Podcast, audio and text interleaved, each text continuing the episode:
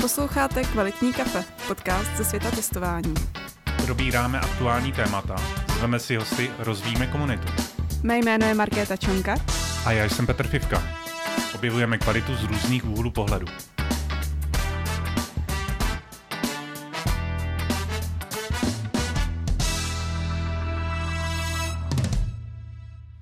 Vítejte u dalšího dílu podcastu Kvalitní kafe, který vzniká pod záštitou komunity Protest.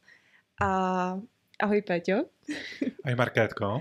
A spousta určitě z diváků na YouTube už pozná i našeho hosta, Míru Bureše. Ahoj Míro. Ahoj. Vítám tě u nás. A možná bych začala představením kávy tradičně. Určitě. A, a potom si představíme míru. Určitě a jelikož se na to opět necítíš dneska, Markétko, tak to představím já. A dneska tu máme uh, Etiopii z uh, pražírny Hype, což je polská pražina. A chutě jsem říkal, že tě nechám dneska ochutnat, ať si to zase jednou za čas vyzkoušíš.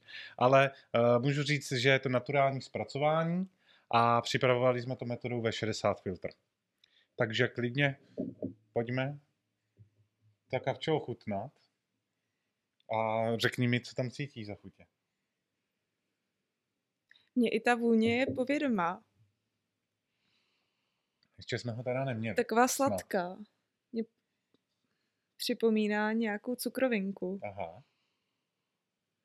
Jako takový ty uh, žužu dlouhý, co se prodávaly na pouti normálně. Víš, takový ty barevný, ty duhy. Hmm. Já jsem na tebe zvědavý. Já, tam, já, si ty, já ty chutě čtu, takže jako já je vím a jako přijdou mi, že, přijde mi, že tam jsou. Je hodně jemná. Mm-hmm.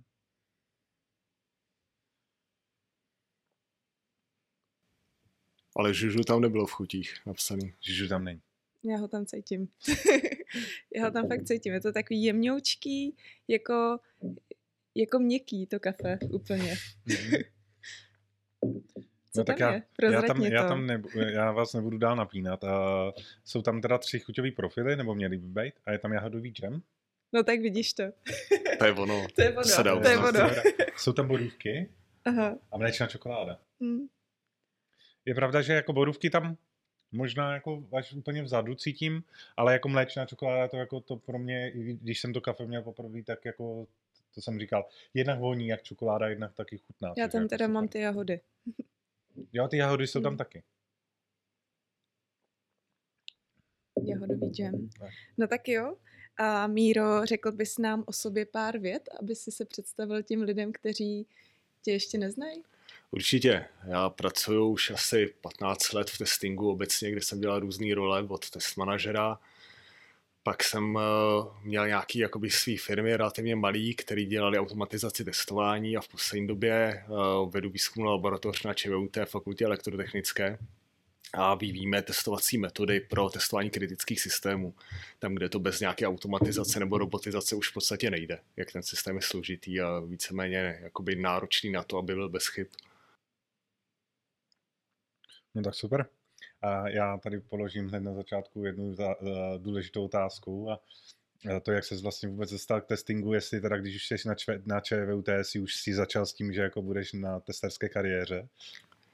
Uh, úplně ne, já jsem v biznesu začal jako projektový manažer klasický IT projektů a k testingu jsem se dostal tak, že na jednom bankovním projektu za mnou přišel business projekták a říkal, že se zrovna ten den rozloučili pro nekompetenci s test manažerem a že jsem se jim líbil na předchozím projektu, ať s tím zkusím něco udělat, tak jsem převzal testy, nic jsem o tom nevěděl, začal jsem je řídit. Když si vzpomenu na ty jakoby postupy nebo ty metody, co jsem použil na tom prvním projektu, tak to bylo všechno intuitivní. V podstatě jsem si to vymyslel z hlavy, ty testy nějak dopadly, ten projekt nějak dopad.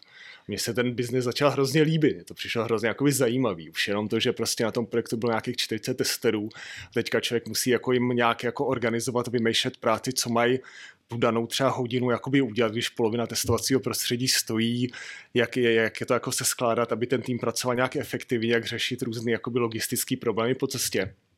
Přišlo mi, že to, co jsem se v té době snažil jakoby vygooglit o tom testování, abych se teda nějak jako po večerech dovzdělal v průběhu tohoto prvního projektu, tak jsem mně přišlo, že to bylo takový jako dost buď v povídání, nebo takových těch jako opravdu praktických rad eh, člověk jako moc nenašel.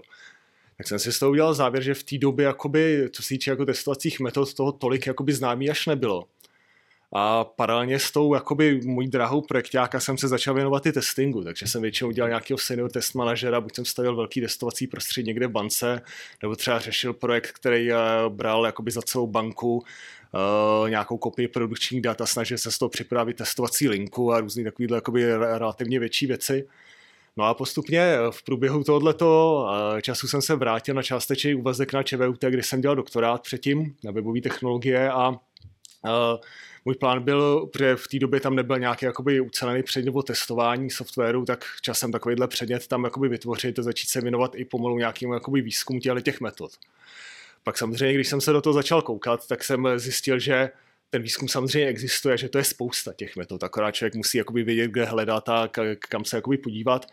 A ten svět mě začal čím dál tím víc bavit, takže jsem v podstatě přešel jakoby na, na dráhu jakoby profi, profi testera po těch pár projektech, kdy jsem získal nějaké zkušenosti. A nějakou dobu jsem vetřel testovací oddělení jako linový manažer v Capgemini v Čechách a na Slovensku, kde jsem si vyzkoušel i roli, jakoby, kdy člověk má se starat vyloženě o ty lidi, o jejich rozvoj, prostě, což se někdy dá dohnat na tom projektu, když je tam člověk má jako test manažera, ne vždycky to úplně, úplně jde. A uh, pak časem uh, po nějakých jakoby, těch, uh, těch firmách, když jsme dělali automatizaci testů, většinou pro finance, pro telko tady a podobně, tak uh, řekněme, jakoby převážila větší zábava a to začít testovat kritické systémy. Tak jsem se na plný úvazek vrátil na moji domovskou univerzitu na Alma Mater a Založili jsme tam s kolegou Lab, jehož cílem je v podstatě vyvíjet jako efektivnější testovací metody pro tenhle ten typ systému kde budete překvapený, pořád se dá, jakoby, co, co vymýšlet, oni ty systémy se zesložitějou pořád, používají se jako jiné technologie, trochu se mění ten kontext a ta komunita, která vyvíjí tyhle ty metody, je relativně velká, ale ne natolik, aby utáhla celý ten brutální objem toho průmyslu, který testuje, takže je tam pořád co dělat. Jakoby, Kolik tam máte třeba lidí v té komunitě? Uh, to je dobrá otázka, ale jako ono totiž ten testing jako takový, ten výzkum, ono to má jako x oblastí, jo. takže jakoby Uh, ta komunita jako třeba lidí, kteří v tom zkoumají, jako je třeba tisíc lidí po země koule. Jo? Když se vezme nějaká podvoblast, určitá testovací technika, tak je to třeba opravdu 10-20 lidí. U nějakých specialit člověk třeba už jakoby zná, budu, buď od vidění, nebo jako zná těch články a podobně. Ale na ten objem toho biznesu, co denně jako jde v tom testování, to je fakt jako malý množství lidí. Byť to vypadá jako, že to je velký, ale na celou země koule je to relativně málo. Oproti jiným třeba výzkumným jako oblastem, tato disciplína je relativně malá. Jako, jo. A ještě eh, mnozí posluchači a diváci určitě vědí, že si napsal knížku Efektivní testování softwaru a chtěla jsem se zeptat eh, v rámci toho příběhu, který ty s nám teďka vyprávěl, kdy nastala ta chvíle a jaký byl ten klíčový důvod, eh, proč jsi se rozhodl napsat knížku? Protože v angličtině té literatury je relativně dost, v češtině tady v té době, kdy jsme to začali, jako když jsme s tím projektem přišli, tak bylo přeložených pár knížek, byl přeložený Ron Patton, takový ty základy testování softwaru, ne Mike Patton, ten zpěvák.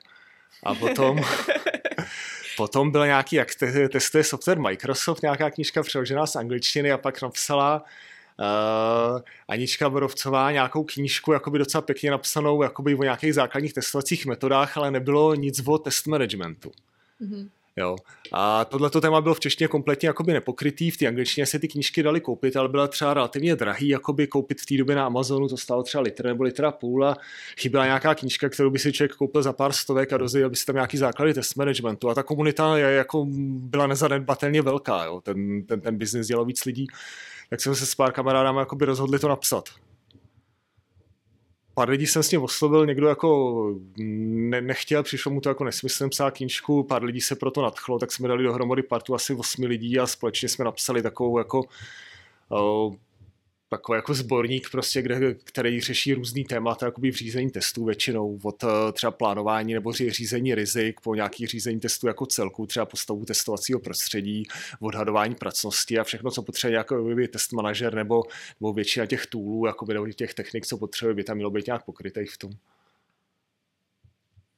Wow, vlastně uh, dalo by se říct, že ty opravdu děláš ten testing jako ve vědě, což vlastně zna, úplně první člověk, kterýho já znám. Teda ne, dozvěděl jsem se i, že existuje nějaký Pavel Herout, který možná bude taky v, podcastu někdy. Ale mě by, uh, Míro, hrozně zajímalo, jak vlastně... Ahoj, Pavle. Pavel možná ještě ani neví, že bude pozván. Já ho zavolám. A ne, mě by zajímalo, jak vlastně vypadá to, testo, to softwarové testování z pohledu toho tvýho akademického jako práce. Jak, jak vypadá ta věda zatím? Oh, já, bych, já bych obecně řekl, že jako vyvíjíme nové techniky pro testování nějakých jako složitých a kritických systémů. Jestli to dělá jako nějaký tým na univerzitě nebo v nějaký specializované firmě, kterých je taky relativně jakoby dost, ten svět je, ta subkultura je třeba stejně velká jako ten akademický research, tak uh, tak eh, to, to je zase jakoby jedno, ale cíl je jakoby uh, přispět tam, kde ty metody, které jsou k dispozici, nějakým způsobem ještě jako úplně nesedí tomu průmyslu.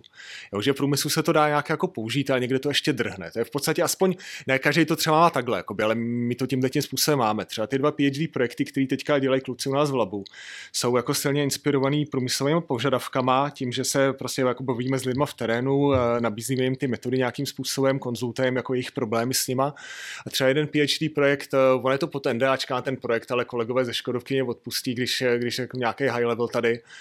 Eh, když jsme se s nimi poprvé začali bavit o tom, že by, eh, že by chtěli jakoby posílit eh, v oblast jakoby automatizovaného testování a generování těch jakoby testovacích scénářů, tak jsme objevili několik praktických požadavků, co jakoby oni potřebovali. Když jsme se koukali na ty techniky, které jsou k dispozici, taková ta klasika, tak jsme zjistili, jako, že to je takový, jako ono to jako nějak je, ale test inženýre jako nějak si to jako dokastomizuje, nás, nás už to nezajímá, my děláme ten výzkum. Jenže realita je taková, že ty lidi v tom terénu mají jako spoustu práce. Jo. Ty jako nestíhají obvykle jedno pro, pro druhý, je to pod tlakem, má to deadline, je to v, jako v silně kompetitivním ekonomickém prostředí. Když ten test inženýr dostane nějaký jako polotovar, nějaký PhD ver, prostě, který jako kam jako CSV, vyleze mu XML, něco si s tím dělej, tak, tak to většinou jako zavrhnou, přestanou to používat. Jsou samozřejmě jako uh, model-based testing tooly, vysvětlím za chvíli, které jsou jako relativně komfortní, ale jsou relativně drahý, člověk se tam musí nějakou dobu učit a Uh, jakoby te, ten náš cíl je brát ty průmyslové požadavky, to, co je jako reálně opravdu potřeba, po čem je poptávka a upravovat ty stávající metody nebo je rozšiřovat tak, aby to prostě těm lidem z toho terénu jako líp sedělo, aby to dokázali prostě jako vzít a v relativně krátkém čase začít používat což jako má ten, jak, jak ten praktický aspekt, tak je to zajímavý i výzkumně, protože většinou se tam dostanete k tomu, že potřebujete třeba udělat nějaký nový způsob generování těch testů, třeba z nějakého jako modelu toho systému, který jako třeba ty kolegové jako zatím nepublikovali, zatím ho nikdo jako nevymyslel, nebo pokud ho někdo vymyslel, tak to nepublikoval natolik, aby, aby to člověk byl schopný najít. Jo. Takže tam najdeme v podstatě nějakou poptávku i pro, ten, pro, tou, pro tu vědeckou práci a Většinou jedem tímhle tím stylem, že to začíná jako, jako poptávkou z průmyslu a končí to něčím, čemu se říká jako contribution, kdy člověk prostě jakoby uh, přidá nějakou jako novou techniku nebo no, novou, nový poznatek jakoby k tomu, co je člověk schopný lidově řečeno jako vygooglit o tom. Prakticky už na obecném Google teďka, jo, protože ty databáze těch různých jako white paperů a vědeckých článků, které ty techniky popisují, už jsou většinou otevřený. Člověk nemusí platit, ten text si stáhne jako obvykle z nějaký databáze už. Jako, jo. Eh, potom určitě hm, to bude zajímat mě, podle mě i jako ti, co na, eh, sledují taky.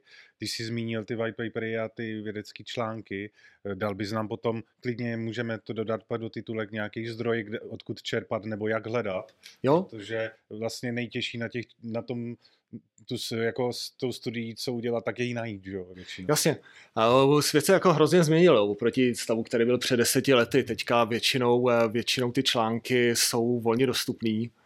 Člověk nemusí mít placený přístup do nějaké databáze. Jsou dvě hlavní databáze, třeba ResearchGate nebo Archive. Já vám tam dám potom ty linky a tam většinou člověk najde ty full texty v PDFkách rovnou. Mm-hmm. Uh, největší problém jakoby pro průmyslového praktika tady je jako vědět, pod jakou hantýrkou to má hledat, jo? protože někdy v tom R&D světě ty jako techniky se jmenují jako trošku jako jinak, než by člověk hledal. Jo? Příklad třeba průmyslový člověk, když chce testovat nějaký workflow nebo nějaký proces, tak začne googlit to jako proces testing. Jo? Ale v tom R&D se tomu říká path-based testing, jako to testování cest, tak když člověk neví tyhle ty buzzwordy, co hledat, tak, tak obvykle jako najde nerelevantní věci nebo to najde třeba třetinu, čtvrtinu, jakoby, jo? Ale ne, můžu vám teoreticky dát nějaký slovníček k tomu, jakoby, jo, co, co hledat pro co. Jakoby, jo. To bude úplně boží, anebo pokud máš třeba nějaký oblíbený práce, tak to klidně můžeme přímo jako zmínit. Jasně, určitě. A to bylo, bylo super. A když jsme u té akademické úrovni, a já jsem nikdy nevěděl, že se to třeba dá vyučovat, jo? že se dá jako testing. Dá? A mě by zajímalo, jak to třeba vypadá, eh, když vyučuješ jako softwarovou kvalitu. Jestli Ale to je podobný třeba něčemu, co my známe z toho průmyslu, nebo... Je, je, je, je to jako prakticky stejný, jakoby, jo. Zítra z, z, začíná semestr, teda začal na začátku tohle týdne, já zítra začínám přednášku předmětu magisterského, který se jmenuje zajištění kvality softwaru. No a na té první přednášce budu povídat v podstatě o nějakým jako softwarovým lifecyclu, kde vznikají chyby, jakou to má dynamiku ekonomicky, mm Eh, kde dělají lidi chyby v podstatě v tom systému, jako v roce 2020, jo, že to je většinou prostě chyba požadavků, už jako ne, ne nějaký překlep v kódu, protože to řeší statické analýzy už a to, tyhle ty jakoby související věci intro, no a pak v tom předmětu je půlka jako férová je eh, takzvaný model-based testing, kde ten systém místo, aby člověk vymýšlel scénáře z nějaký dokumentace, tak se snaží vytvořit nějaký jako relativně jednoduchý model toho systému, pak to generuje automaticky, což šetří čas, je to přesnější obvykle, jakoby. Eh, často jako levnější. Eh, záleží, kde, kde se to použije, na některé projekty je to nevhodný, na některých jako třeba v těch kritických systémech se člověk neobejde. A druhá půlka je automatizace testů, jo. pořádně třeba zvládnout JUnit, na, naučit se psát pořádně jakoby unit testy, které budou fungovat. Eh, je tam třeba Selenium a Cypress jako pro frontendové testování. Takže je to v podstatě jako půlka je programátorská, lidi se učí psát různé jako autotesty a to, co, to, co dělají lidi v podstatě v průmyslu. Jako jo. A ještě teda poslední otázka, když říkáš, že máš nějaký ty přednášky, máš něco veřejného. Mě by třeba strašně třeba zajímalo jako se na to podívat nebo sklidně se jí jako zúčastnit. A myslím, že ty mý slajdy jako různě už po plaze jako kolujou, lidi to využívají na různý firmní školení už jako docela dlouhou dobu, ale jako, ale uh, jo, já něco vám našeru, jasně. To je super, děkujem. Já ještě k tomu mám doplňující otázku. Jestli, když se pohybuješ i v té praxi, a zároveň na akademický půdě, jestli ti přijde smysluplný, když člověk už je tester, mm-hmm. aby studoval vysokou školu, jestli reálně to pro ty lidi má nějaký přínos. To záleží, jako určitě jo, záleží jako co chce přesně studovat. Jakoby pokud je jako fachman už v nějak, nějaké jako oblasti, tak na té univerzitě přímo v té dané oblasti se asi bude nudit, jo, to se dá čekat. Ale jako být na, na univerzitu jako někde, jak, jako by si něco doplnit určitě dává smysl, jako když si člověk potřebuje jako rozšířit tu svoji doménu. A typický příklad třeba uh, tester začne, jako jde do role test manažera, začnou bavit ty manažerské věci a chci jako jít víc do managementu, tak pak má smysl třeba uvažovat o nějakým jako, já nevím, dvouletým, tříletým třeba nějakým manažerským oboru někde, aby jak, jako se dozvěděl nějaký metody a podobně. Stejně tak, když třeba jakoby je biznisový tester, který má jako, jako business background a začne ho bavit technika, jakoby, jo tak uh, zkusit jako vystudovat nějakého třeba bakaláře, nějakou informatiku, přitom může dávat smysl, protože v té praxi jako by se to blbě dohání, furt jsou někde nějaký deadline a takhle to studium, když to chce člověk jako zkompletovat, dostat ten diplom, tak ho to jako donutí, v podstatě tomu dá ten čas, jo. Takže to má hlavně, hlavně jakoby ten motivační faktor. Čili spíš si myslím pro lidi, kteří jako se, si potřebují tu, tu svoji oblast, ten záběr jako někde rozšířit, tak to nemusí být špatná volba. Dík. To je super, jo, jako mě to přijde strašně inspirující, protože do ne- odehrá jsem si opravdu fakt myslel, že třeba jako se tohle vůbec nevyučuje, že jako to je super, že to, že to existuje a že ta možnost jako dneska je. Vyučuje, třeba na VŠ mají magisterský obor na, na testování. Wow. Že bych, se, že bych se přihlásil na svůj starý kolen na výšku. tak bych mohl i dát jako to testování možná, jako, ale Super. To bys asi dál, jako s těma zkušenostmi předpokládám. Snad jo, to by byla hodně velká potupa, kdyby mě vyhodili třeba v prvním semestru, ale uh, my jsme se bavili o velice zajímavým tématu před podcastem a já bych to rád otevřel i tady. No, no. A je to vlastně otázka takového, dnešního buzzwordu, což se vlastně je v v tom mediálním světě a v tom průmyslu hodně slyšet a to je AI a machine learning, který Jasně. se tam samozřejmě přelívá jako i do testingu, že jo, byla to automatizace, pak to byl continuous integration, teďka máme AI. No, no, no. Jestli bys nám mohl říct, jak to třeba v tom testingu vypadá, Jasně.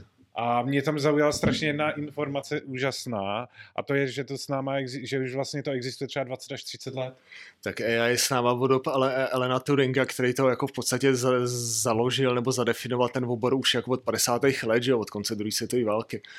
Ale v tom testingu jako masivnějce umělá inteligence používá opravdu nějaký jako dvě, tři dekády a má to tam svý stabilní místo, používá se to jako v tradičních oblastech, typicky je model-based testing, kdy eh, generujete testy z nějakého modelu, kdy model může být třeba UML, jako většinou je pod tím nějaká matematická struktura, protože potřebujete přesnost, jako by ty věci mít přesně, přesně daný, ale ten model se dá představit jako třeba activity diagram v UML, když se to pak převede nějaký třeba jako directed graph v matematice, tak to už je pak jako provozní věc, to praktika nezajímá. A uh, to je jako příklad, kde ty modely můžou začínat u složitých systémů, když testujete třeba nějaký letadlo nebo raketoplán, tak se to postu, popisuje i fakt jako nějakou matematikou, nějakýma deskriptivníma jazykama, kde člověk musí už jako trochu, trochu znát matematiku. Výhoda je jako velká přesnost potom. Mm-hmm. Tam člověk fakt jako neudělá chybu ani v modelu, ani v těch test casech, který vygeneruje, protože je to prostě exaktní. Jo. Jsou biznesy, které to nutně potřebují a který to zaplatí, který na to ten čas musí dát, typicky airspace, jako space industry a podobně, jako defense sector, některé jako kritické systémy, tam se bez toho člověk jakoby neobejde. V tom běžném softwaru je to už overkill a tam se používá jakoby běžně, eh, běžně eh, generování jako třeba z nějakých těch UML, lidově řečeno. Mm-hmm. Jakoby, jo. Role ty umělé inteligence v tom je, že když ty test casey mají být nějakým způsobem optimální, aby v tom bylo minimum duplicit, bylo to cenově optimální, kudy ten systém projít nebo jaký kombinace jakoby do toho nadspat, tak je, tak je to samozřejmě jakoby obvykle nějaká optimalizační úloha a tam je jako velká síla umělé inteligence v tom, že ta tohle a priori řeší. Jakoby, jo. Takže eh, jakoby ten problém, který je obvykle nějak popsaný, máš eh, jako proces toho systému třeba, nějaký, nějaký proces v tom systému, pardon, a máš eh, vygenerovat test casey, který mají určitou sílu. Tak je to v podstatě jako určitý zadání, dá se to řešit spousta způsobama. Ta umělá inteligence, to je tradiční oblast, kde se to používá, eh, dokáže jakoby tyhle ty úlohy v některých oblastech řešit mnohem líp než tradiční jakoby deterministický algoritmy, kdy prostě člověk jako přesně, přesně co jako dělá v, to, v, to, v tom modelu a uh, má to jako nějaký, nějaký přesný řád. Ty, ty algoritmy, ty umělé inteligence taky, ale tam větší autonomos, uh, jakoby autonomita. Jo. Uh, abych nemluvil takhle obecně, typický příklad jakoby jednoho třeba projektu, co děláme v labu, Eh, máme takovýhle model systému, který popisuje různý pravděpodobnosti výpadků, kdy může z toho systému vypadnout nějaká komponenta nebo vypadnout síťový spojení, což je kritický třeba pro, pro nějaký jakoby obraný eh, IoT systém nebo obecně IoT systém, kde, eh, kde se může něco jakoby výrazně pokazit. A cíl je prostě projít, projít ten graf nějakým způsobem, udělat takovou sekvenci akcí, která se má testovat, tak aby to prostě nějakým způsobem jakoby uh, prošlo ty situace, kdy může vypadnout to, eh, to síťové připojení nebo vypadnout ta komponenta a zase se to vrátí. A cílem toho testu je zjistit, jak se to bude chovat v případě těch výpadků. Takže není potřeba procházet celý stavový prostor nebo to vymýšlet nějak z hlavy, je potřeba pragmaticky najít nějaký speciální test case, který na tohle fokusují, jsou cenově optimálně co nejefektivnější. Je to taková specialitka. Jako byl. A ta, to je třeba, kde se tam dá použít umělá inteligence, jeden, je jedna z možností, co, co kolega z Labu právě dělá, je, že používá umělou mravenčí kolony. Funguje to tak, že eh, se naprogramují umělí mravenci, který mají nějakou svoji jako základní inteligenci, simuluje to v podstatě, je to je to jako algoritmus simulovaný, inspirovaný přírodou, simulují se takhle jako včely, různě nějaký světlušky, x živočichů takhle, opravdu, jako byl brouku celý spektrum, on to vzal z mravenců. A li, li, liší se to, liší to v jemných niancích v podstatě a princip je, že máte jako x, x jako v podstatě jako nějakých jako autonomních jednotek těch mravenců, který, mezi, který tam za, jako navzájem lozejí v tom grafu, komunikují pomocí nějaké jako feromonové cestičky, kterou si, kterou si nechávají jako reálně mravenci v tom mraveništi a společně vypočítají ten nejlepší průchod a dává to lepší výsledky, než to jakoby běžný algoritmus. Jo. To je třeba typicky, typicky nějaká ukázka, kde se třeba může použít ta umělá inteligence. Tohle je tradiční oblast. Jo. Další oblast, kde se to dá použít, je machine learning, třeba, který eh, je schopný zodpovědět na otázku, kde vznikají nějaký jako výrazný zhluky chyb a jakou to má příčinu. ale problém je jako tě, to, tohle je další perspektivní oblast, jakoby učení se nad nějakýma historickýma datama. Eh, který můžou, může poukázat nějaký třeba defekt cluster nebo nějakou suboptimalitu v tom buď testovacím procesu nebo obecně jakoby eh, na nějakou větší chybovost v tom systému a ta mašina to je schopná daleko jakoby udělat rychleji a přesněji, všimnout se víc věcí, než udělá analytik, když má jako třeba 5000 nebo 20 tisíc bugů historicky, teď se na to kouká jenom na základě nějakých parametrů. Ale problém je, že na to potřebujete mít relativně jakoby přesný data, musíte to mít zaznamenaný, ty data musí být relativně konzistentní. To je hlavní, jako řekněme, úskalí nebo jako vstupní podmínka těchto těch, eh, tyhle technologie, aby to šlo použít. To je třeba jakoby další příklad ty umělé inteligence, která, která se dá, jakoby, eh, dá použít. No. Další třeba třetí oblast, která je docela jako populární, teďka perspektivní a některý jakoby uh, lidi, kteří přímo vyvíjí jako AI, AI postupy, by řekli, že už to umělá inteligence není, ale třeba lidi v 70. let by řekli, že ještě jo, je jako automatické exploratory testing. Teďka je v modě třeba to používat, jako dělají se pokusy používat to v security testování, nedělat jako běžný fuzzing prostě tím stylem, že se do toho systému napálí nějaký velký množství prostě jako různých random kombinací, uvidí se, když ten systém lehne, nebo když se tam objeví nějaká, nějaký jako backdoor kombinací těch dat třeba ale eh, cíl je jakoby třeba eh, slíznout jako vnitřní strukturu toho systému, třeba kód, a ty kombinace, které se do toho systému takhle perou, už jako založit na tom, kde v tom kódu, v tom zdrojáku vevnitř už jsou třeba nějaký zlomy, nějaký větve, nějaký podmínky a oproti nějaký miliardě kombinací, kterou to člověk mučí, prostě jako týdny ten systém to je schopný to třeba běžet jednou hodinu, mít to stejnou výtěžnost. Takže vlastně jako, za, zacílíš na ty slabší místa. Přesně tak. A ty slabší místa lze znát, jako část těch lze znát dopředu, když člověk už jako třeba automaticky projde ten kód na základě jako kombinace statické analýzy a tohle toho postupu. Jakoby, jo. Čili takový jako monkey testing, ale jako ne, ne makak, ale šimpanz, inteligentní monkey testing Jasně. prostě jako pomocí nějakého jako jednoduchého AI algoritmu, nebo, ne, nebo třeba i, i víc sofistikovaného. Jako. To je super. A vlastně to je já, jak jsi říkal, že tady s náma de facto od začátku té výpočetní techniky, čím si třeba vysvětluješ to, že kolem toho teďka takový hype, Jo, já, já vím, že každý rok se musí najít něco nového, jako ty média a prostě to. Je to, je to možný způsobený tím, že se to dostává do povědomí díky dostupnějšímu výpočetnímu výkonu? Může to být jeden z důvodů. Já se přiznám, že nevím. To bych si teďka tady vymýšlel jako nějaký, nějaký důvod a Uh, nějaký jako AI expert by, by odpověděl podle mě líp. Ten, ten hype jako není špatný, protože díky tomu se, eh, díky tomu ně, některý jakoby AI výzkumníci můžou získat lepší financování a rozvoj těch metod je obecně užitečný jakoby mm-hmm. pro tu mhm. technologii, takže určitě jako dobrá sezóna teďka. Ale, uh, ale uh, bude, budete, se, budete, budete se smát, ale ono se jako říká, té tý, uh, jakoby periodě a jako desiluze, kdy prostě jako ně, AI není tak v kurzu, se říká AI winter. Jo, opravdu prostě, že jako vždycky AI winter period, pak je AI hype prostě. De, to, tohle není první jako AI hype, v, histori- v historiích bylo více. Jakoby, jo. Doba ledová. A... No ona není úplně ledová, jakoby ten výzkum se dělá pořád a běží to pořád nějakým svým tempem, akorát, že to není tolik v médiích, jakoby m, mm, nějak jakoby řeší se třeba jakoby jiný, jiný témata. Čím to je způsobený? Já bych řekl, že to je eh, částečně kromě jako vyššího výpočetního výkonu, který tomu pomáhá, daný i různýma zajímavými aplikacemi. Prostě jakoby ta technologie se vyvinula natolik, že dokáže řešit už věci, které jakoby třeba v těch 80. jako ještě ne, ne, neuměla řešit. Autonomní auta. Třeba v 80. letech bych řekl, že jako jenom jako velký vizionáři věřili tomu, že je schopný, je, je možno udělat jakoby plně autonomní vozidlo. Teď je to realita. Jakoby.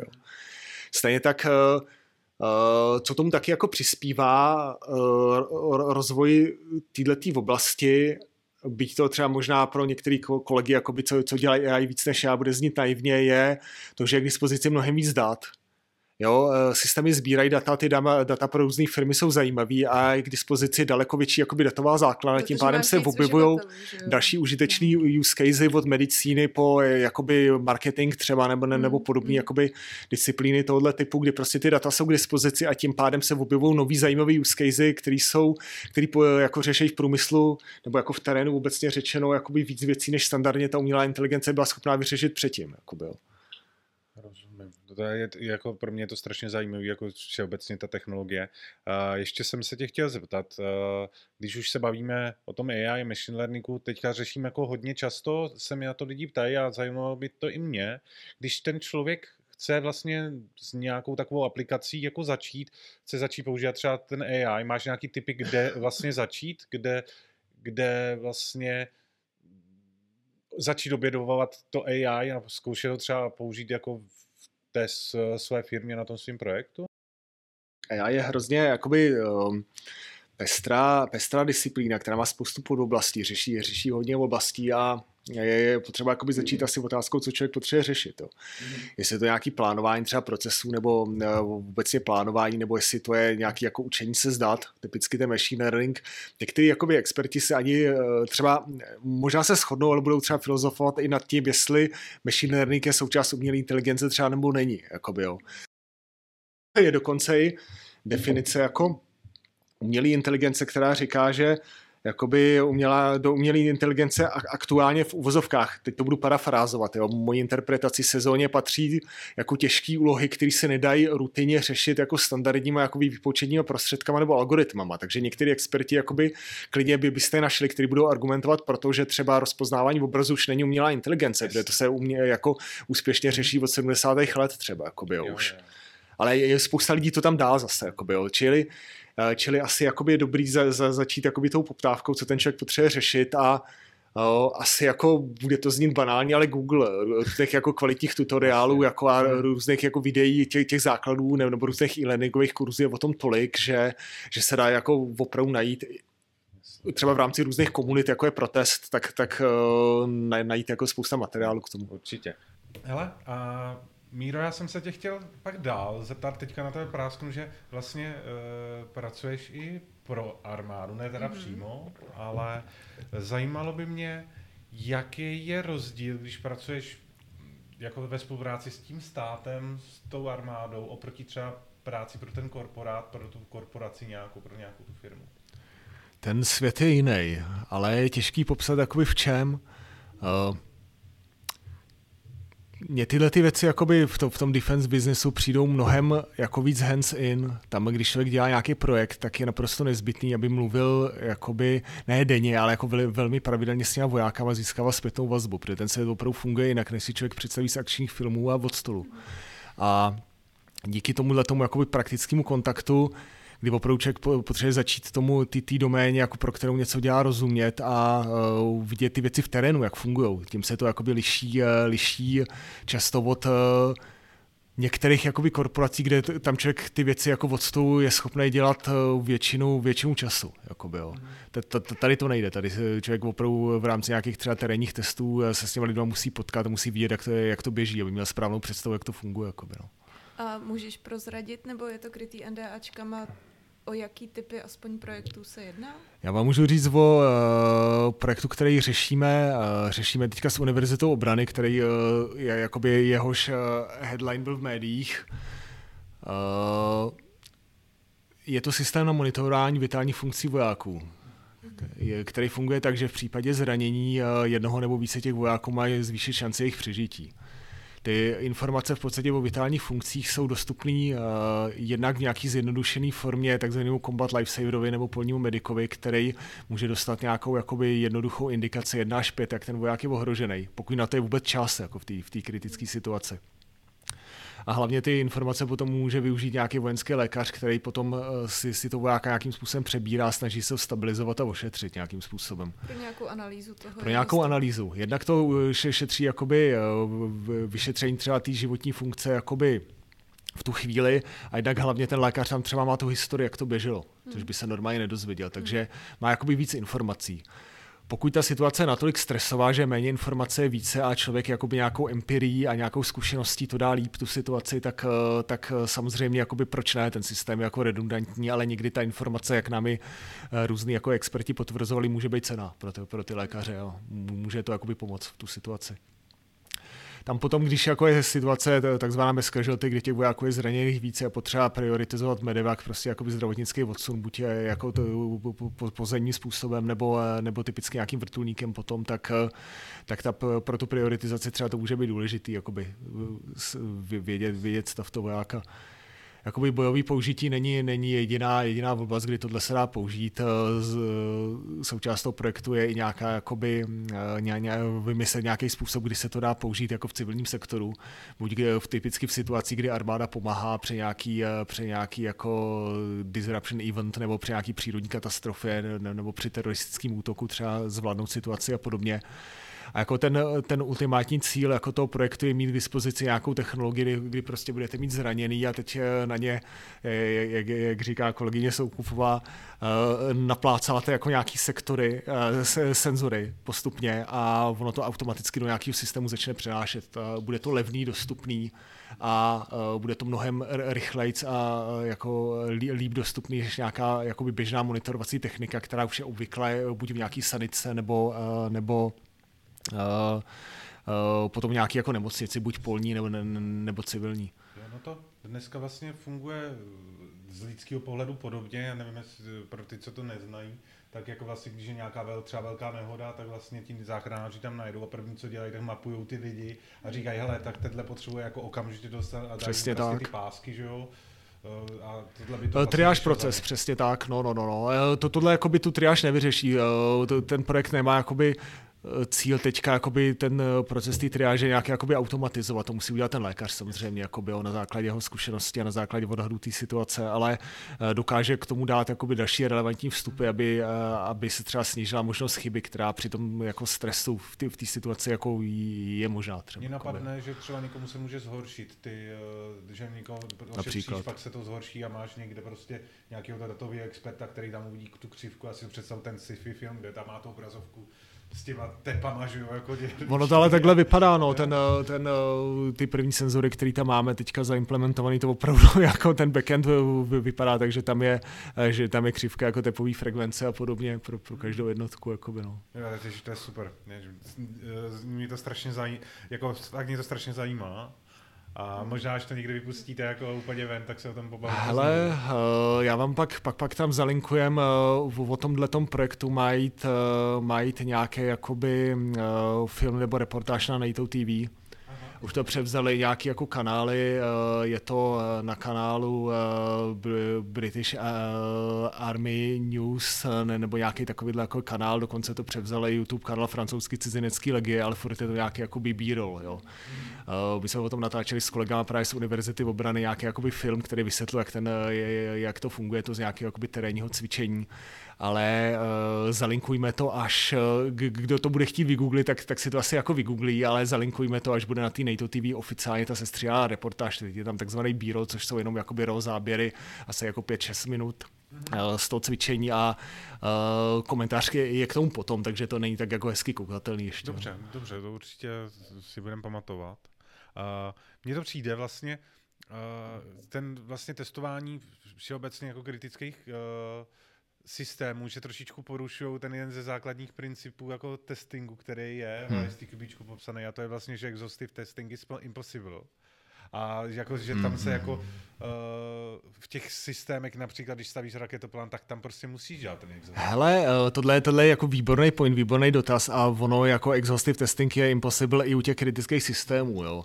Uh, když letíte dopravním letadlem, tak se buďte jistý, že i v tom řídícím softwaru jsou nějaký bugy. Jo. Akorát, že jsou, já bych to neměl teda říkat, abych někoho nespůsobil jako flying phobie, že jo, ale ale jako ty bugy jsou natolik exotický nebo se aktivují natolik exotickýma kombinacemi, že i za, eh, za jako životní cyklus to letadla třeba jako se vůbec neaktivují. Je to otestovaný natolik, že ten jako kritický bug, který se aktivuje nějakou pravděpodobnou, pravděpodobnou kombinací situací nebo dat, který v tom systému tečou, se prostě jakoby nestane. Uh, samozřejmě v, těch, v případě kritických systémů jakoby uh, tam ten testing je mnohem víc vyčerpávající, ale jako ne, není stoprocentní, protože jenom když si člověk představí jakoby stavový prostor, tak to, to se nedá. Jo. Ale to jsou fakt miliardy kombinací, těch, nejde to. U těch kritických jakoby, systémů je známý, že se tam snaží člověk minimalizovat to množství řádků toho kódu, že jo? Taky. Na druhou stranu. Jako budete se divit, ale kritický systémy, to je hrozně jako hrozně zajímavý vidět z různých analýz na kombinatorické testování, který říkají, kolik parametrů spolu, obecně parametrů, představ si třeba proměný v tom source codu toho, toho systému, spolu typicky interaguje. Jo. A čím víc jako jich interaguje, tím potřebujete silnější, mohutnější tese, větší množství kombinací. A je zajímavý, že nějaký jako software do raketoplánu a jako letadel a podobně, opravdu to, to množství těch integrací jako má stlačený na minimum a nějaký fakt retailový software jako webová aplikace nebo web, hra do mobilu nebo něco takového, tam je jako uh, strength prostě čtyři nebo něco podobného, což je fakt jako moc. Jo. Jo. Uh, opravdu ten kritický software, uh, tam ty pravidla jako hry jsou trochu jiný a lidi mají půd sebe záchovy ten software psát opravdu jednoduše a přehledně, méně více opravdu v tom, protože čím, čím kompaktnější kód, tím, tím menší možnost chyby. Jakoby, jo. Což tomu samozřejmě jakoby nahrává, to se pak testuje jako jednodušejc, ale samozřejmě ta mohutnost toho testu je jako řádově vyšší než v případě nějakého klasy, jako nekritického softwaru, to, to, to samozřejmě jako.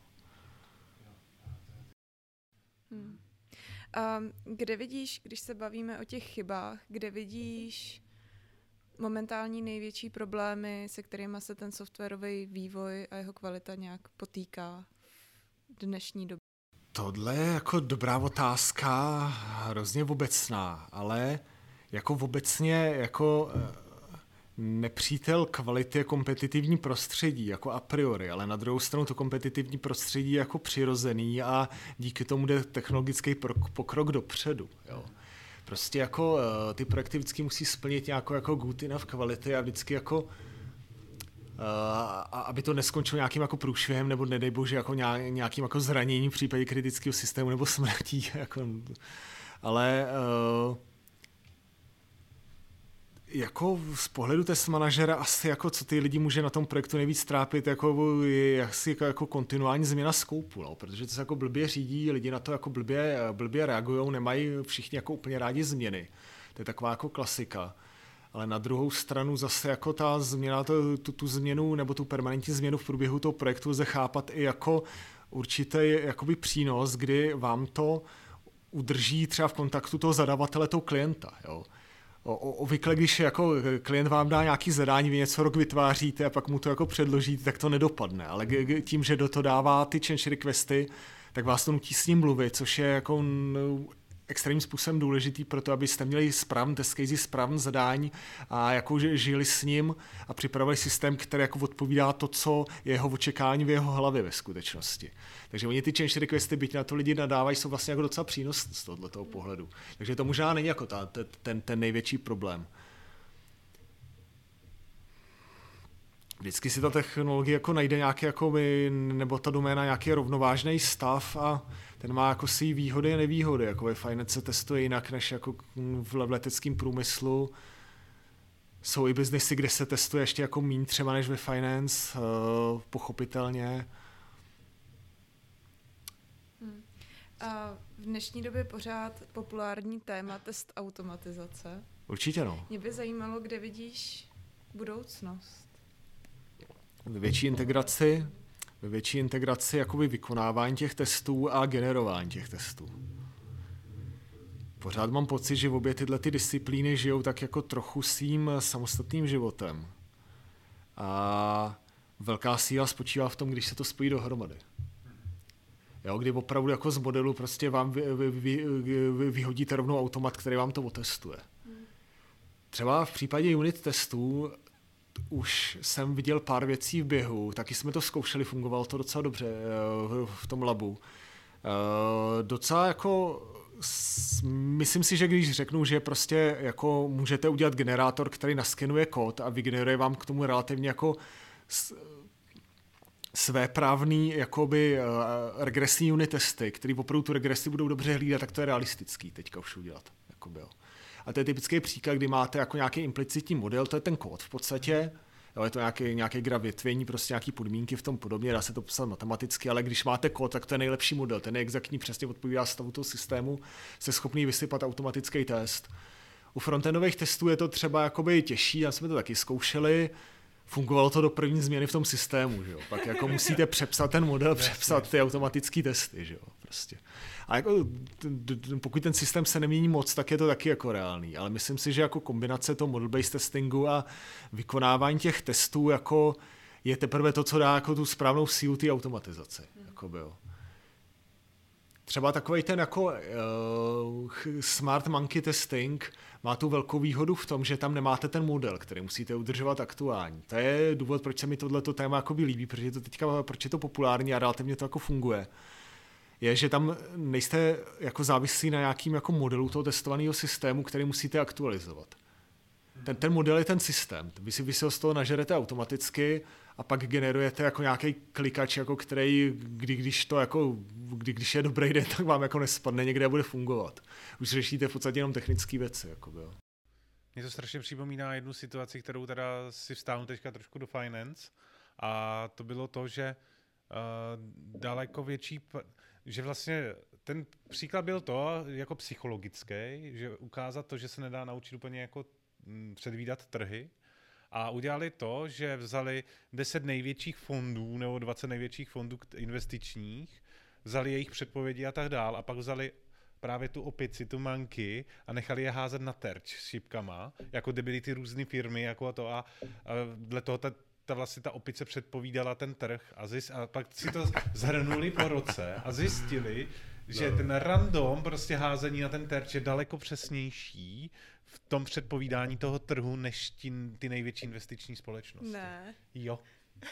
Jo, a to, to vlastně to, to přijde o, vlastně podobný, že vlastně, když to stáhnu na to AI, proč tam dávat ten model a jestli fakt nebude užitečnější to nechat random projeď na tom systému, tady máš systém a dělej si, co chceš, třeba půl roku a pak mi vyplivní nějaké výsledky. Hele, když vezmete, to, to je jako dobrá otázka a nedá se takhle říct jako z vole, ale dovedu si určitě představit casey, kdy na poměr jako investovaný, investovaný prachy versus nalezený bugy bude ta opice jako lepší jo, než, než klasické model-based testing. Jako rozhodně jo. Dovedu si to představit. Akorát, že problém té opice je, že on nám to nenajde všechny ty bugy, které třeba v případě toho kritického systému potřebujete. Jo. V kritickém systému najít v opicí prostě dvě třetiny bugů jako nějakým brute forcem jako prostě nestačí. Jo je to eh, jako výborný quick win třeba do nějakého jako nekritického softwaru, stejně jako vzít nějaký techniky z toho model-based testingu, jenom ty jako základní třeba, jakoby, který se dají vyškolit během jednoho dne začít používat, vzít, vzít jakoby fakt ty quick winy. To jako funguje, ale zase jako pro ten kritický systém už to třeba nebude stačit jako potom. Jo. A tak tam spíš, jako když nechceš dělat uh, vyloženě testování založené na nějakých modelech, tak můžeš implementovat například Paretovo pravidlo a otestovat 20, nej, 20% hmm. jako, který jsou nejkritičtější pro ten biznes. Jasně. Jo, to, to každopádně můžeš, ale spíš mě šlo o to, že jo, jako já rozumím, se baví, kam směřuješ. Jo, baví, jo. Bavíme se o tom, že naučíme uh, prostě nějaký chytrý software, psát test analýzu a psát si ty test casey a je otázka, si při dnešní, při dnešní ceně výpočetního výkonu není lepší to udělat prostě brute force, jo? prostě nechat to, ať to jede a bez ono, uh, jakoby ten, ten monkey tester jako je mocný v tom, že on nám to jako ten systém sfailuje na nějakých mezních podmínkách, na nějakých, jako řekněme, neušetřených vstupech a technických chybách, ale uh, Eh, kde, kde ta opice si neporadí, je jako, když ten systém jako, jako správně, technicky, že vám to nepadá, ale je blbě podle specky. Ten klient chce něco jiného, tam ta opice jako nemá šanci v podstatě. A tam přesně tak, no, přesně, přesně, to je výborný point. No a um, prostě uh, tam jako potřebujete ten model upřímně řečeno. Tam naopak tím, že ten model jako musíte vytvořit, tak eh, máte zadarmo určitou, jako určitý podíl statického testování. Musíte číst tu specku, která je méně formální. Zjistíte, že jako je v, část, v části míst dík moc nepřesná jakoby natolik, že ten developer při nejlepším jakoby při nejlepší vůli stejně tam jako má velký prostor udělat chybu. Jo tak začínají takovými banalitama, že tam je napsaný větší než, teď nevíte, jestli to je větší rovno než, eh, nebo jenom je jako normální větší než a, a, a, a, a, a, a tak dále. Jakoby, jo. Čili uh, tam bych řekl, tam přemýšlím, jestli se jako umělou inteligencí dá nahradit vůbec ten, takový ten, ten klasický jako koncept toho, toho model-based testingu. Mm No jako dá se to v biznesech, kdy prostě ta specka, kdy to vyžaduje tak exaktní specku, že ji musíte psát rovnou jako model. Jo. Když to musíte napsat rovnou tu specifikaci v nějakým deskriptivním jazyku nebo už v nějakým pseudokódu, protože prostě jazyk vám to neustojí, ten je tak nepřesný, že prostě uh, toto bude a priori chybový potom tak pak to jde, jako v podstatě. Uh, říká se ty, volně řečeno, teďka jako ně, některý kolegové, kteří dělají tenhle ten, tenhle ten jako R&D business by mě jako opravovali, ale v podstatě to je princip jako model checkingu, jo. to je další typ jakoby testování, kde jenom kontrolujete, že ten model je správně, že ta specka je správně, a pak eh, na to můžete navázat nějaký jakoby další test casey. Ale v principu, v principu v podstatě je to takhle. Jakoby. Jasně, nějaký statický, statičtější testování. V podstatě jo. Dobře, super. Ještě by mě určitě zajímala eh, jedna oblast a to, eh, když se podíváš na dnešní stav toho softwarového testingu, jaký tam třeba vidíš aktuální problémy, které se řeší, eh, nebo co bychom spíš třeba mohli začít řešit víc a tak dále?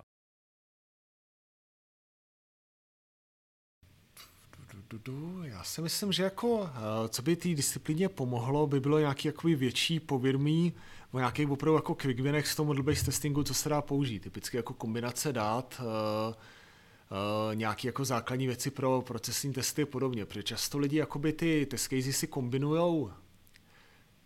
Říkám logicky jakoby věc, kterou, kterou děláme, takže že nám to jakoby nejbližší co jsem viděl v x různých jako industry casech, jsou tam jako hrozně chytrý super lidi, ale prostě jako lidský mozek má jako jiný přednosti, než aby byl jako přesně exaktní počítač, jo? jako intuice, zkušenost, prostě nějaký jako gut feeling, prostě jako těch lidí je super, je to nenahraditelný jako nějakým automatem v průběhu toho testování. Ale Uh, upřímně řečeno, jako některý lidi možná, ale vě, většina lidí jako nejsou super počítače, takže prostě když mají ty test casey vymyslet z hlavy, tak to prostě jako ne, nevyflusnou za pár vteřin jako nějaký tool, to za prvý, bude jim to trvat jako hodiny a za druhý většinou ty test casey, který udělají, tak jako nemají hlavně nějaký jako optimalizační algoritmus, který ty test casey udělá cenově optimální bez duplicit eh, s šancí najít co největší jako množství bugů nějak statisticky. Jakoby, jo. Čili Záleží jak kde, jo. V některých firmách prostě jako model-based testing je jako běžná rutina, někde to může přinést jako zajímavý, zajímavý quick winy, kde, uh, kde to může ušetřit jakoby čas a i tu práci pro ty lidi udělat jako zábavnější, jo. Protože přemýšlet nad tím, jestli je správně specká model, může být jako zajímavější situace, než prostě se prohrabávat jako 400 stranama specifikace a teď psal nějaký jako test case, další test case, já už chci umřít prostě, jo. Znáte tuhle tu rutinu, Přesně jo. ten pocit znám, ano. No. Tak, ta, ta, takže mu možná tohle jakoby jedna, je jedna jakoby příležitost. No. Určitě a uh, já, jsem, já teďka zmíním jednu knížku, kterou jsem teďka právě dočet a to je Mysl pomalá rychlá a nevím, jestli si o tom někdo... Rychlení pomalý a myšlí, Kahneman, ne? Prosím? Kahneman. Jo, jo jasně. Jo, to je přesně, tam je vysvětlený, proč my třeba nejsme dobří analytici jo, nebo když máš nějakou zkušenost, tak všechno navazuješ na zkušenosti a tak dále, jo. Že proto třeba ani nedokážeme vymyslet ty testy tak objektivně, aby jsme chtěli a tak dále, jo, protože jsme ovlivnění tím naším jako tou naší zkušenost natolik, že nejsme objektivní. Jo, což je... Jo, jo, to je, to je takový ten zajímavý efekt, že jako to testujete dva měsíce, pak k tomu pustíte jako nějakýho prostě, já to, já to řeknu, junior, prostě lamu, prostě k tomu pustíte, ani, ani ne juniora, ten, který v biznesu, ale nějaký jako ran, random uživatele prostě a ten to schodí jako hnedka prostě, jo. Protože prostě v tom udělá věci, které vás nenapadly. To jsem párkrát zažil jako v testování, je to fakt zajímavý, jako bylo. Takže to jsem chtěl zmínit. A pak by mě zajímalo vlastně, jak jsme říkali, generování nějakých testů. Uh, jaký máš třeba názor na techniku Pairwise, která je jako docela dost používaná, mám takový pocit? Ale my tyhle algoritmy děláme. Pairwise, okay. uh, my děláme combinatorial a constraint interaction testing a Pairwise jakoby testing je jedna ze základních technik toho kombinatorického testování. Jo, uh, jo, jasně, Jasně, v tom kritickém biznesu se to jako jinak prakticky dělat nedá. Funguje to dobře, jako docela si myslím.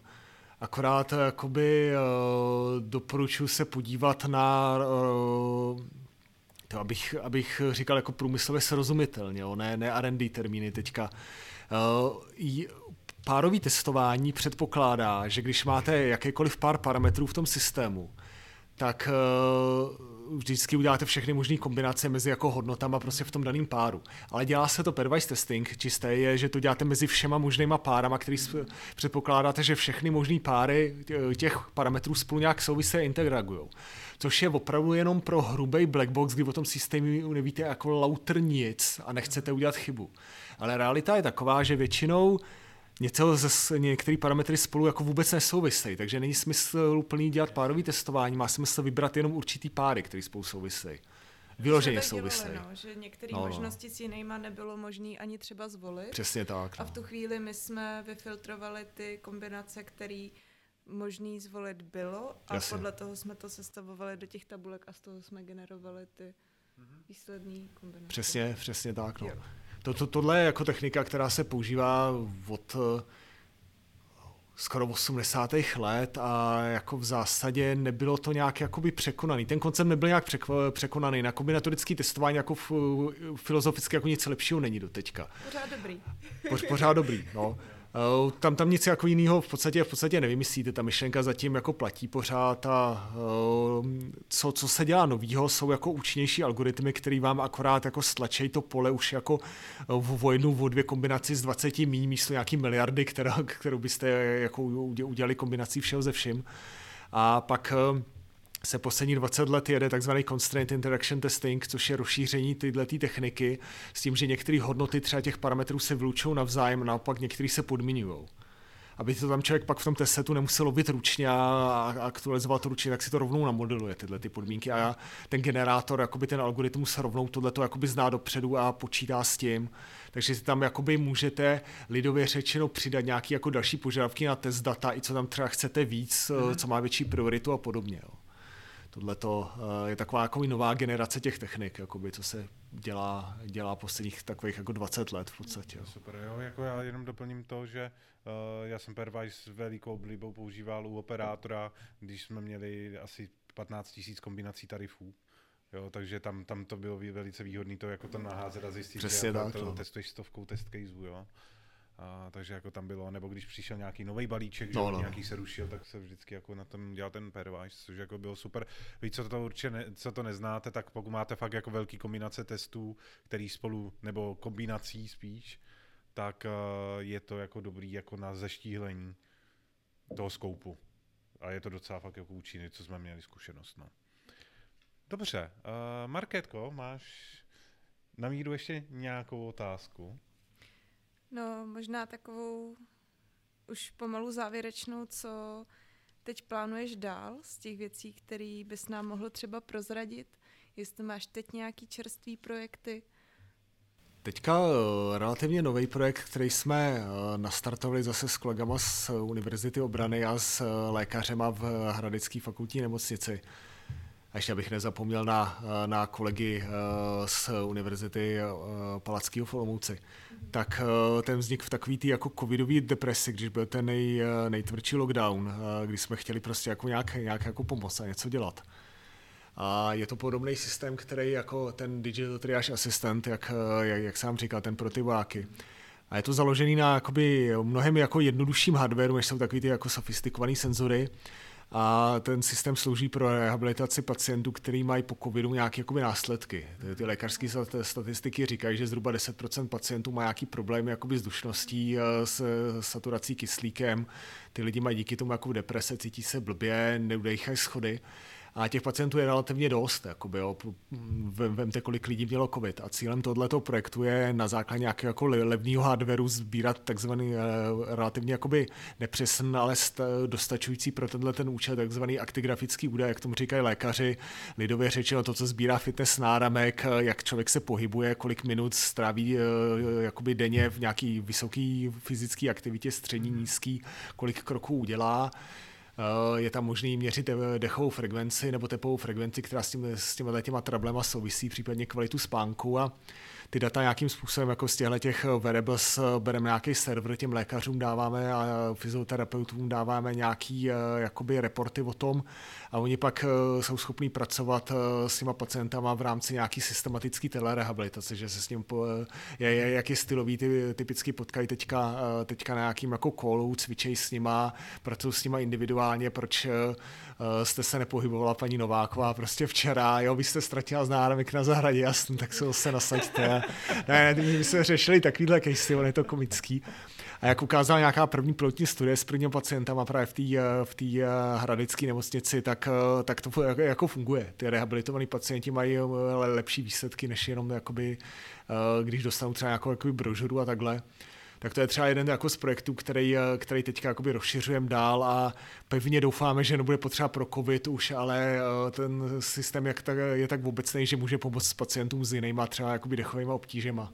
Bohužel COVID není jakoby jediná, jediný onemocnění, kde to, tohle to jakoby eh, je užitečný. No. Jako ať byl COVID, anebo ať je COVID zle jak chce, tak jako nastartoval podle mě spoustu jako dobrých věcí nebo akceleroval dobré věci, ať už je to třeba vývoj mRNA, te, eh, vakcíny a tak dál, což vlastně, kdyby to nebylo, tak se schvaluje dalších 15 let, jo. Mm-hmm. A jako, takže mám jako ve všem zlým a ve všem špatným se snažím vždycky najít uh, něco dobrýho a myslím si, že ty dobrý tak jako covid jako, jako rozhodně není pozitivní, skoro, skoro jako v ničem, když to přinese jako něco, něco užitečného, tak aspoň, a, aspoň něco, no. No a kdyby s tebou chtěli lidi spolupracovat na tomhle nebo na dalších těch cool projektech, který jsi zmínil, hledáte někoho nebo? Hledáme, hledáme talentovaný PhD studenty, který, který chtěli dělat na nějakých podobných tématech, eh, co jsem, co jsem říkal. Pokud vás to nějakým způsobem zaujalo, tak se ozvěte, no dejte mě do Google a kontakt tam My najdete. Tam jako. na tvůj Jasný.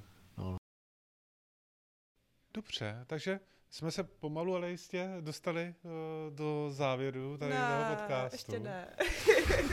já bych si povídala. Uh, já si myslím, že víru tady určitě nemáme naposled, protože těch oblastí, který vlastně zpročila prochází, že jako obrovská spousta a je to neskutečně zajímavý. Nemyslím si jenom pro nás s Marketkou, co tady sedíme, ale i pro ostatní, co nás poslouchají. Takže uh, já bych to pomalu končil. Já bych ti chtěl, Míro, strašně poděkovat, bylo to strašně fajn rozhovor. Díky, bylo, bylo to fajn. Díky a... moc. Já poděkuji Markétce, tak jako vždycky. Já vám taky děkuji. Moc jsem si to užila opět. Tak. A hodím vám takovou tu klasickou hlášku, pokud se vám ten podcast náš líbí, nebo máte k tomu nějaký komentář, klidně dobrý, za ten budeme rádi, ale klidně i ne až tak pozitivní a něco, co bychom mohli zlepšit. Dejte nám určitě vědět na našich sociálních sítích, uh, sdílejte, pokud se vám ten podcast líbí, protože to je jedna z mála uh, šancí, jak se dostat někam dál, jak se dostat do, uh, dál třeba, teďka jsme v Praze, tak třeba do Brna, a potom možná ještě někam dál. A, Až takhle světový budeš. Jo, jo, jo, už budeme už budem fakt světový, když budeme v Brně. Uh, super, takže já bych se opravdu už jako naposledy rozloučil, takže mějte se, měj se Míro, bylo to, jak říkám, super. Uh, mějte se i vy, co nás posloucháte nebo co nás sledujete na YouTube. Děkujeme. Díky, Ahoj. mějte se. Čau.